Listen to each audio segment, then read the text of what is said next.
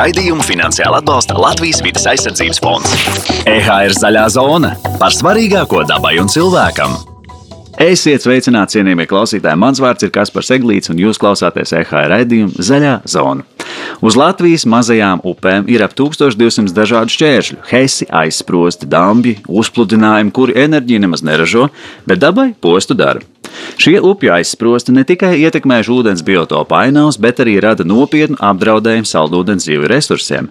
Par aizsprostu ietekmi uz mazajām upēm, diskutablo mazo hesu nojaukšanu, kā arī to, cik ātri atvesaļojās upe pēc šķēršļu nojaukšanas, zaļajā zonā saruna ar Pasaules dabas fonda, Baltijas jūras un saldūdens programmas vadītāju Magdu Jengenu.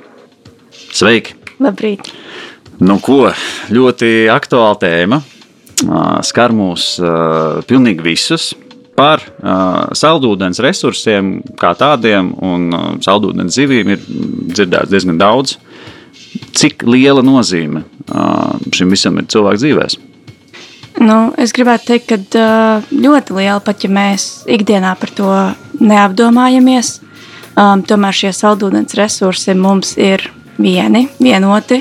Mums nav atsevišķi resursi zivīm, atsevišķi resursi priekš mums dzeršanai, atsevišķi resursi lauksaimniecībai. Tas viss ir viens vienots ūdens resurss, un tāpēc šie aizsprosti, kas ietekmē upes, ietekmē arī mūsu ūdens resursi beigās. Tas ietekmē mūsu labklājību. Kā ir ar saldūdens resursiem pasaulē? Es saprotu, ka te ir minēts par to, ka tas ir proteīna avots vismaz 200 miljoniem cilvēku Āzijā. Tad, tad tas, nu, ja teiksim, Latvija ir tāda samērā maza valsts, tad pasaulē katrā ziņā šim resursam ir ļoti liela nozīme. Tieši tā.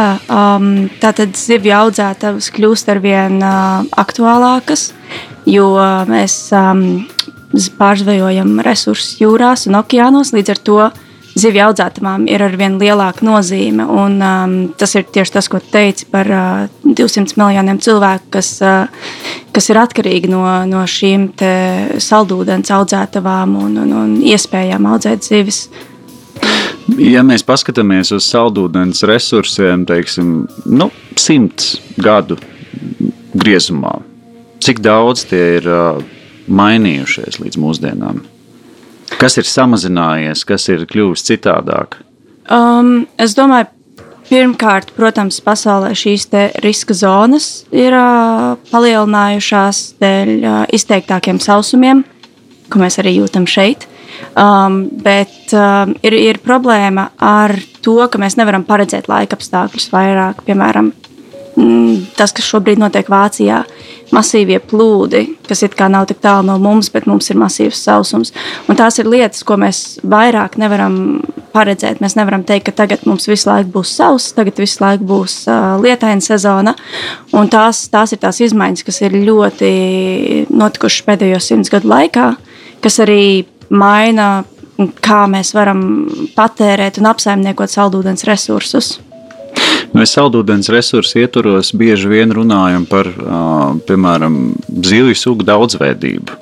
Nu, ko cilvēkam, ja viņš nav makšķernieks, dod šī daudzveidība? Vispār ne tikai zivju, bet visas dzīvās radības, kas atrodas saldūdenī. Uh, principā suga daudzveidība ir izveidojusies um, visā pasaules vēsturē um, un, un, un ir izveidojusi tādu balansu iekšēju, kas, kas uztur visu pasauli. Principā. Tur mēs vairāk nerunājam tikai par saldūdeni, bet tiešām par visu dabas daudzveidību, kas eksistē uz planētas. Un tā nodrošina tiešām mūsu labklājību. Dēļ, tā, dēļ šīs daudzveidības ir iespējams uh, Protams, pārtika ir viena lieta, bet mēs runāsim par materiāliem, no kā mēs taisām apģērbu, materiāli, ko mēs izmantojam, lai mēs taisītu datorus, telefons. Vispār tas viss ir atkarīgs no šīs suga daudzveidības beigās. Un, um, bet atvainojiet, tieši kādā, kādā mērā kā tas notiek? Tāpēc, ka. Piemēram, drēbēm. Drēbes nāk no dabīgiem materiāliem, principā. Labi, daudz kas tagad arī tiek taisīts no plasmas, bet uh, šo, protams, laikam nevajadzētu teikt, bet principā plasmasa nāk no fosilām, fosilais kurināmais, vai ne? No tā tas ir, ir plasmas nāk no dabas. Nu, no, no dinozauriem, nu, vai ne? Um, bet, protams, tas nav atjaunojams resurss, kā, kā meži vai nu, koks nu, un, un, un, un šis atjaunojamais resurss. Bet um, tā simbiance, kas ir visām šīm sugām savstarpēji, ir tas, kas nodrošina laikapstākļus, ir tas, kas uh, mums ļauj, ļauj audzēt uh, koku vilnu priekšdrēvēm, ir tas, kas uh, tas uztur visu to mūsu labklājību. Piemēram, um, dziļā, dziļā jūras uh, rakšana, kas nodrošina mums pieeju minerālu vielām, kas ir nepieciešamas tehnoloģijai. Tas viss nāk no dabas, principā. Bez tā mēs nevarētu, nevarētu veidot visu, kas mums ir apkārt. Celtniecība, tāpat tās smilts, kas ir nepieciešams priekš betona, priekš stikla.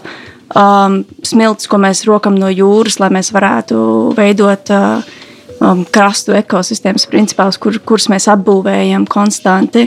Tā kā tas viss ir uh, beigās saistīts ar dabu, pat ja mēs nedomājam par tiem materiāliem kā dabīgiem. Es kā reizi vakardien dzirdēju tādu ļoti labu frāzi saistībā ar uh, vispār visu zaļo tēmu, kas šobrīd pasaulē ir ļoti populāra, ka mēs dzīvojam uz nākamo pauģu rēķinu. Uh -huh. Kā, ja mēs turpināsim nu, šādā garā, nepievēršot tādu milzīgu uzmanību, šobrīd mēs pievēršam, bet ja mēs nepievērstam milzīgu uzmanību uh, saldūdenim, piemēram, kas ir tas, ko nākotnes paudzes, mūsu bērni, mazbērni nu, var nepiedzīvot? Um, saldūdens ir pamatā diezgan daudz kam. Kā jau sā, sāksim ar to, protams, ka mums ūdens ir nepieciešams, lai izdzīvotu, bet tas, ko mēs patērējam, priekš tiešām dzeršanas un higiēnas, ir mazs daudzums salīdzinoši. Priekš tā pasaulē pietiks ūdens, um, un, un, un arī riska zonās. Um, šie cilvēki, protams, uh, tiek paredzēts, ka tiks, uh, notiks lielākas migrācijas nākotnē uz vietām, kur šie laikapstākļi tomēr ir nedaudz stabilāki, jeb ūdens ir vairāk pieejams, bet kur aiziet ļoti liels daļas um, saldūdens tieši ir pārtiks audzēšanā, piemēram. Mm -hmm. Un, ja mēs nerūpējamies par saldūdens resursiem un klimatu, jo klimats, protams, ietekmē saldūdens resursus, um, tad, protams, draudz šis te, mm, pārtikas ražošanas krīze nākotnē. Jo pasaulē jau savā ziņā ir, ir, ir vairākas vietas, kur, kur ūdens pietrūkst. Un ir tādas, kurās šis saldūdens ir uh, izteikti regresējis pēdējos teiksim, desmit gados. Un pirms diviem gadiem sanāca būt Keiptaunā, mm. kas ir tāda, es gribētu teikt, samērā eiropeiska, uh, eiropeiska uh, vieta. Un, uh, un, un tur tiešām katrā no mājokļiem ir uh, konkrētas stundas, kurās tu vari iet dušā, konkrēts daudzums ūdens, ko tu drīkst patērēt. Pilnīgi visās vietās ir baseini, bet visi šie baseini ir tukši. Tāpēc, ka gluži vienkārši nav ūdens. Un ūdeni, kur iegādāties veikalā, nu, ūdens maksā ļoti dārgi. Un tā šķiet tik pašsaprotama lieta, bet arī tas ir saistīts ar resursu izušanu. Tieši tā, es domāju, mēs Latvijā vēl mums veicās. Mums savu... ļoti veicās. Jā, Um, pat ja Latvijā ir lauksaimnieki, kas jūt šo ūdens sausumu, protams, uh, sevišķi šobrīd. Šobrīd, jā, tas ir, uh, tas ir tieši lauksaimniekiem iet visgrūtāk, protams. Uh, mēs, kā dabas organizācijas, ļoti strīdamies bieži vien ar, ar visu šo sistēmu, kas ne jau ar lauksaimniekiem, bet ar sistēmu, kas, kas, uh, kas ir Eiropā. Bet, uh, principā, viņi jau ir tie, kas cieš visvairāk. Pēc tam tas nonāk arī līdz mums, jo mums pārtikas cenas kāpjas, un mums par to, protams, jāmaksā vairāk, um, jo šī ražošana vienkārši paliek dārgāka. Bet kas Jā. ir šī sistēma un kāpēc ar to ir jācīnās? Jo teorētiski mums ir zaļais kurs un it kā tam visam vajadzētu iet tikai un vienīgi uz labu, bet vēl aizvien droši vien ir kaut kādas birokrātiskas lietas, kuras, kuras nav tik viegli atrisināt. Kas ir šī sistēma? Um, protams, ir zaļais kurs un, un, un no lauka līdz galdam un bioloģiskās daudzveidības stratēģijas, kas ir visi šie jaunie politiskie dokumenti, bet daudz vecāka politiskā sistēma ir piemēram kopējā lauksaimniecības politika, kurai tiek piešķirta vairāk kā trešdaļa no visa Eiropas budžeta. Um, tātad šīs lauksaimnieku subsīdijas, kas principā maksā par dabas iznīcināšanu lielā mērā, Un, uh, piemēram, tieši šobrīd notiek šī te, um, kopējās lauksaimniecības politikas uh, plāna atjaunošana, kas ir uz septiņiem gadiem. Un, um, atkal lielākoties Eiropā tiks piešķirtas subsīdijas par nevidē draudzīgām praksēm lauksaimniecībā. Tad sanāk, ka mēs ar vienu kāju to uh, zāli nomīdam, ar otru mēs viņu stādām. Nu, tieši tā.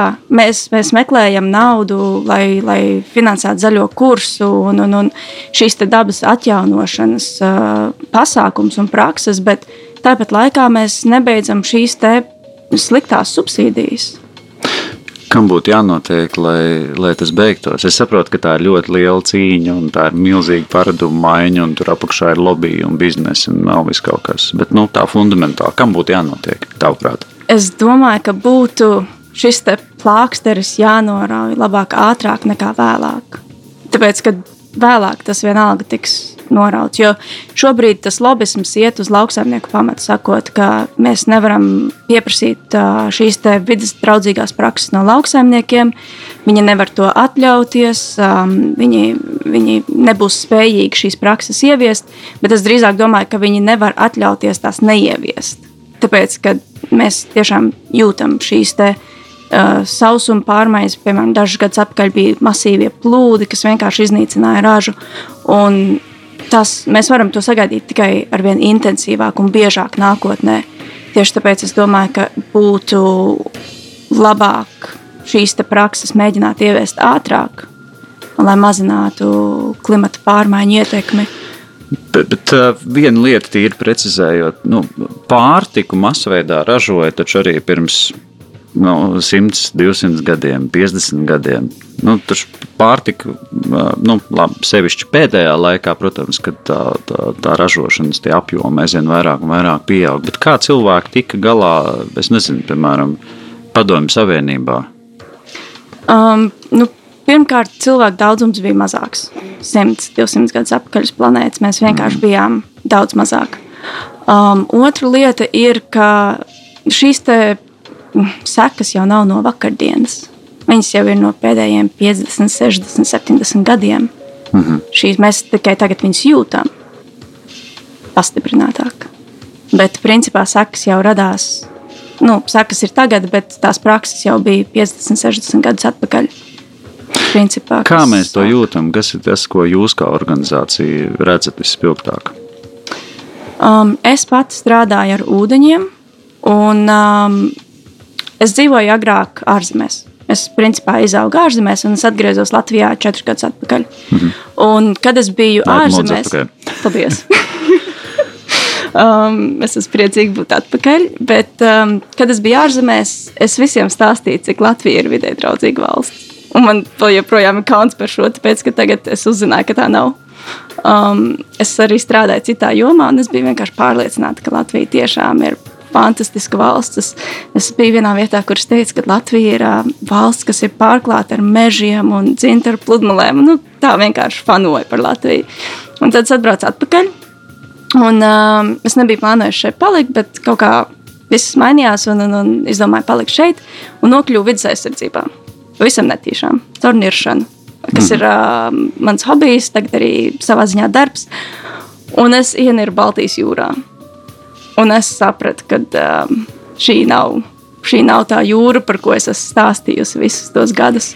Um, ienirstot Rīgas jūras līcī, dienas laikā, vasarā, desmit metru dziļumā, es neredzēju savu roku. Tas bija vienkārši tumsa. Un bija tumsa, tāpēc, ka jūra ir aizaugusi ar aļģiem mm -hmm. vasaras laikā. Un šīs aļģes nelaiž nekādu saules gaismu cauri. Kas ietekmē sugas? Visu. Nekas nevar augt bez saules gaismas. Visu. Jā.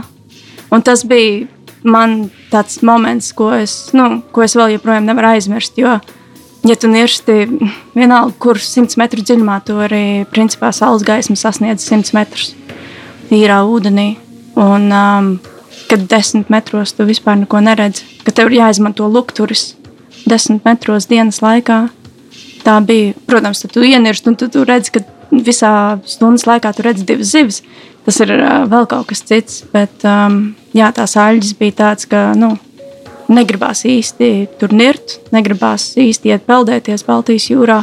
Un, nu, Tāpat situācija ir arī saldūdeņos, jo, protams, kā visa šī aļģes augdēļ pārāk liela barības viela daudzuma ūdenī. Mm -hmm. Un kā šīs barības vielas nonāk ūdenī, tas ir, protams, principā caur upēm, kas, kas viss tek uz jūru. Tātad šī situācija ir arī tāda pati mūsu upēs un ezeros. Nu, redz, runājot par vairāk par upēm, Iespējams, mazāk par ezeriem. Mēs jau pieskārāmies pašā sākumā tādai tēmai, kā šie mazie hesi un dažādi aizsprosti un, un vēl viss kaut kas. Un, jā, es pats arī aizkadrā stāstīju par to, ka es izaugu mazpilsētā, kurā, kurā bija pirmais dambīts, otrais dambīts, trešais dambīts. Un, Un, un, un tobrīd tās tiešām bija kā tādas uh, degradētas uh, celtnes. Nu, vienkārši kaut kas upes vidū, kur bērni betoniem lec pāri, tā kā vesela paudze ir uzaugusi, apdraudot savu dzīvību. Un tā tas īstenībā bija līdz kaut kādam. Nu, es baidos samalot, varbūt 2007. un 2008. kaut kur apmēram tam laikam. Un, un tad pēkšņi šīs degradētās celtnes tika acīm redzot, privatizēts. Un tagad tur ir ieeja aizliegta, tu nevari vairs pāriet pāri, un, un, un tur ir tāds mazais hesiņš. Kas Jā. šīs ir par uh, būvēm un, un kā tas ietekmē savukārt šo visu dabīgo plūdumu un uh, barības vielu daudzveidību, daudzumu, sugas, visu? Jā, nu, šie aizsprosti ir iespējams visnozīmīgākā, tiem ir visnozīmīgākā ietekme uz upju ekosistēmām. Un Eiropa ir tā teikt visfragmentētākā, visfragmentētākais kontinents dēļ aizsprostiem tieši. Um, Latvijā mums ir vidēji viens aizsprosts uz 17 km upes.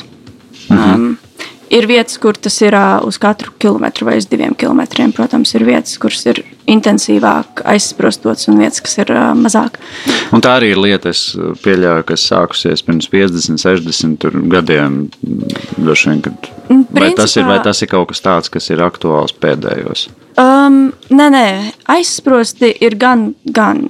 Jo aizsprosti ir arī visas vecās dzirnavas un, un, un uh, viss, kas jau ir simtiem gadu vecs, arī uz upēm. Uh, tā ir bijusi praksa jau, jau sen. Mhm. Um, bet daudzas no šīm dzirdamām ir sabrukušas, un mēs esam uzbūvējuši mazos hesus, piemēram. Un maziem hesiem tas pienesums nu, nav nekāds. Um, ja mēs skatāmies Latvijā, mm, ja nemaldos, 17. gadā bija 147 mazie hesi. Un šie mazie hesi saražo mazāk kā 2% no enerģijas. Um, principā Dāngavas kaskāde, kas ir trīs lielie Dāngavas hesi, saražo apmēram 40% no kopējās Latvijas enerģijas. Um, tātad šie tie, tie tiešām labumu guvēji no maziem hesiem ir šie 147 īpašnieki. Principā tie ir daži cilvēki, kuri gūst labumu un uh, finansiālu labumu dēļ, dēļ subsīdijām atkal. Oikā. Oikā tieši tā. Ja nebūtu oiks, tie hesi nebūtu izdevīgi. Un tas ir arī tas, ko mēs redzam kaimiņu valstīs, Somijā, kur pārtrauc šīs subsīdijas. Uzreiz mazie hesi ir vienkārši ekonomiski neizdevīgi. Un tad viņi arī tiek nojaukti. Principā. Nu, jā, būtībā šiem 47 saimniekiem 140, jā. 140. Septiņi, 147 saimniekiem būtībā katrs Latvijas iedzīvotājs piespiedu brīvprātīgā kārtā maksā algu. Savā ziņā, jā. jā. Bet eh, nu, šo obligāto iepirkumu komponentes, nu, tādu likumdošanu vai likumdošanas normatīvus mēs varēsim mainīt pēc nu, trim, četriem gadiem. Cerams. Un iespējams, ka varēsim mainīt. Bet ko līdz tam? Nu, ja mēs skatāmies uz aizprostiem, kā jau minēju, tie hesi mazāk par 150 mazie, bet aizsprosti kopā ir vairāk kā tūkstots. Tā tad ir jāskatās, kas ir šie pārējie aizsprosti, jo daudzi no tiem ir pilnīgi nevajadzīgi aizsprosti. Tās ir visādas ceļu pārbrauktuvas, kas ir taisīts pāri upēm un vienkārši nav vidē draudzīgi uztaisīts ceļš. Un līdz ar to uz upes ir apstādināta zivju migrācija. Vai tās ir tās pašas kaut kādas vecās dzirnavas, kas ir palikušas, vai pat cilvēku veidoti aizsprost nelikumīgi. Mm -hmm. uh, mums ir pētnieki, kas staigā pa upēm un uh, kartē šīs upes, un pēkšņi atrod flīzes saliktas upē. Kurš tās ir atnesis uz turieni vai kāpēc, nav nevienam saprotams. Bet, protams, tās ietekmē visu šo upes ekosistēmu, uh, potenciāli izmaina grunti un, un, un pilnīgi nevajadzīgā veidā pārveidojuši upi. Vai, vai... upē izklausās jā. diezgan saudabīgi. nu, tas, ir, jā, tas ir viens no tādiem interesantākiem gadījumiem, jo vienkārši nav saprašanas, kāpēc un kuram ir bijusi enerģija to izdarīt arī. Jo tās nav mazas, tās ir akmens, masīvas akmens flīzes, piemēram. Vai kad tiek um, taisīts dzīvnieku dzirdinātājs, kad tiek, veikt, kad tiek salikti akmens krāvumi, Um, un, un, un šīs, šīs visas lietas ļoti ietekmē upes. Un, Kā ietekmē? Piemēram, ja tiek laistas govis uh, pie upes, uh, lai viņas varētu padzerties, tās var pārbrīdēt upes, visu šo gultni izmaina, pārveido par dubļiem, principā, un tad tev paliek tāda mitra, dubļaina peļķe, kur ūdens vairāk netek pāri. Un zivs arī principā nevar migrēt pāri, un, un, un upe vairāk nav savienota, kā tai ir jābūt. Mm -hmm. Jo Latvijā mēs zinām, lielāk, daudz kur lielākā daļa upju nav dziļas. Tās nav divmetrīgas, trīsmetrīgas uh, upes, kurās tu vari peldēties. Tās ir tiešām 20, 30 centimetru dziļas upes. Līdz ar to, piemēram, govis aitas, viss tas var tiešām ļoti ietekmēt to upes gultni, ja viņas tiek laistas klāt vienkārši staigāt brīvi pāri šīm upēm. Kāpēc Eiropai tas ir svarīgi? Kāpēc Eiropas Savienībai ir svarīgi, cik tādā mazā Latvijā, piemēram, nu skaidrs, ka visās valstīs, kas ir Eiropas Savienībā, bet tādā mazā Latvijā uz kilometriem ir aizsprosti? Um, Latvijā saldūdens kvalitāte ir zemāka par vidējo Eiropā, ko arī, manuprāt, daudzi neapzinās. Eiropā vidēji 40% no saldūdens ir labā kvalitātē, Latvijā tas ir apmēram 33%. Tātad mēs pat neesam vidējais līmenis. Mm -hmm. Un uh, Eiropai ir mērķis līdz 27. gadam, tas ir rakstīts ūdens struktūra direktīvā, ka Eiropa gribētu, lai visi virsmas ūdeņi ir labā ekoloģiskā stāvoklī. Un, kad mēs runājam par labu stāvokli, uh, saldūdens resursiem, mēs nerunājam par dzeramo ūdeni. Tas tam nav upēs, nav jābūt dzeramā ūdens līmeņa kvalitātei. Protams, tur, tur ir vispār dezinficēts ūdens, ko mēs dzeram, pie kā mēs esam pieraduši. Uh, un, jā, kad es saku labu ūdens kvalitāti, es nedomāju, ka tā, lai viss var iet un padzerties no ezera vai upes, bet tas ir uh, dabīgs ūdens stāvoklis, kas uh, ķīmiskā sastāvā ir tāds, kādam vajadzētu būt saldūdenī. Un, jā, šobrīd mēs esam lielākoties diezgan tālu no tā. Un, um, un tas ir svarīgi Eiropai, jo viņi ir uh, sapratuši šo, šo nozīmi, kas ir uh, upēm un saldūdens resursiem. Jo mm, skatoties tieši uz saldūdens ekosistēmām, uh, tās ir cietušas visvairāk pēdējo 50 gadu laikā no, no visām ekosistēmām. Tātad vairāk nekā meži, vairāk nekā jūras, okeāni. Um, tieši saldūdens sugu skaits ir samazinājies visvairāk. Bet sanāk, ka ja mēs nonāksim līdz brīdim, kurā mums vairāk šos heisus, aizsprostus un vēl visu kaut ko, kas atrodas uz upes, vajadzēs nojaukt nost, tad kādam vajadzēs par to atbildēt. Kā atbildība Latvijas kontekstā tā būs? Jo skaidrs, ka tur ir divi punkti. Viens ir kaut kāda naudas līdzekļa, kas, piemēram, ir nezinu, pāri upēm esošo tiltiņu pareizu uzbūvēšanu Tad ir kaut kādu veco lietu demontēšana, kas iespējams pat atrodas privāti īpašumos, jo, kā mēs zinām, Latvijā cilvēkiem pieder ezeri, pieder, teiksim, upes līnija, nu tur vis kaut kādas lietas. Un trešā lieta jau ir tā, ka nu, ir šie 147 uzņēmēji, kuriem tas ir naudas avots. Tas nozīmē, ja tu kādam kaut kādā brīdī šo biznesu izbeidz, nu, tad arī tur ir kaut kāda pretestība. Protams, um, kā atbildība tā ir. Tu arī pareizi saki, man liekas, tur, tur dalās, un tā atbildība arī dalās. Um, Visas šīs nepareizi būvētās pārbrauktuves un, un, un, un viss tas ir. Tikko ir Latvijas valsts, valsts ceļi. Jā, tas ir uh, zem valsts atbildības. Mm -hmm. um, un, un, un, bet problēma ar tiem ir, ka mēs nezinām par visiem šiem taisnostiem. Es uh, pati esmu braukusi pa ceļu, un tu apstājies. Tu vienkārši redzi, ka vienā pusē ir it kā upīte, un otrā pusē ir aplūdes mežs, kā ezers, principā, arī dēļ melnācijas sistēmas. Principā. -hmm. um, šīs lielās melnācijas trubas, kas tiek liktas zem ceļiem, ir uh, visas saķērusies pilni ar zariem, lapām, un ūdens vairāk netiek cauri. Līdz ar to ir izveidojies masīvs uzplūdums. Tātad šeit tā ir konkrēti zemkopības ministrijas nekustamie īpašumi, kas atbild par melnācijas sistēmām. Um, tātad tādas lietas būtu viņiem um, jākontrolē, jāpārbauda, bet tur, es zinu, ir, protams, kapacitātes trūkumi, jo um, šīs melnācijas sistēmas ir uh, ļoti plašas kilometru ziņā, un viņas apsaimniekot uh, katru gadu visu laiku nav iespējams. Mm -hmm. um, Tātad, jā, ja mēs skatāmies uz nepareizi uzbūvētiem ceļiem, tiltiem, un, un, un tādā ziņā tur ir valsts, pašvaldības, Latvijas valsts ceļi, uh, um, kam par to būtu jāatbild. Un tad par hesu īpašniekiem tas ir interesanti, jā, ka teorētiski upes pati upe nevar piederēt, bet hesu uz viņas var būvēt. Um, tā kā, nu, kur, kur paliek tās, tās upes tiesības savā ziņā, ka um, cilvēkiem, kas ir piemēram aiz Hesa, kas dzīvo un, un, un viņiem sākās ūdens trūkums vai vasarā karstajos mēnešos. Tas viss ir dēļ viena Hesa īpašnieka,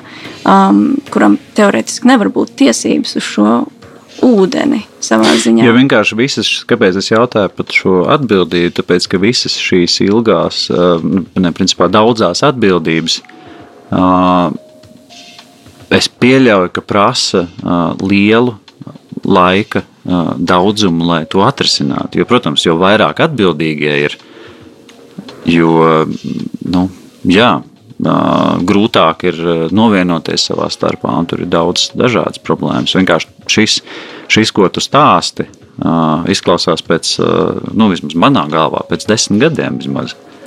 Es ļoti ceru, ka tas notiks ātrāk. Un es īstenībā domāju, ka tā kustība Latvijā sāksies ātrāk, jo tā jau visur Eiropā ir aizgājusi. Igaunieši ir nojaukuši, aizsprost, pirmos lietuvieši ir nojaukuši. Somijā tas jau vispār notiek daudzus gadus. Bet kā viņi to risina? Tā ir kaut kāda, nu viens ir um, obligātā iepirkuma komponenta, kur pieņemsim vienā brīdī vairs nav, un viss, un tas nav finansiāli izdevīgi uzturēt, un tu vienkārši jauc nost. Bet tā ir kaut kāda vienkārši likumdošana lielos vilcienos. Nu. Vienkārši kaut kādā brīdī tu tiec sodīts, ja tu jau uz tavas, nezinu, teiksim, zemes vai, vai, vai, vai pārstāvētās uh, infrastruktūras kaut kas nav kārtībā. Tā sanāk. Savā ziņā jā, tas ir tas, kas notika Somijā. Bet Somijā viņi nesodīja tos um, mazos HES īpašniekus. Viņi īstenībā um, to naudu, ko viņi iepriekš deva subsīdijās, sāka izmantot atbalstam, lai varētu kā, iziet no šī HES. Un tad iedod kaut kādu periodu, respektīvi, jā, tu tagad jā. saņemsi vēl kaut kādu laiku naudu, bet tad domā par citu biznesu. Tieši, tieši tā. Principā tāda izejas stratēģija, lai varētu arī šos te HES nojaukt. Jo nu, Somijā tā situācija bija drusku savādāk. Tie mazie hesi bieži vien bija vietās, kur vienkārši lielais elektrības tīkls net, ne, netika pievilkts.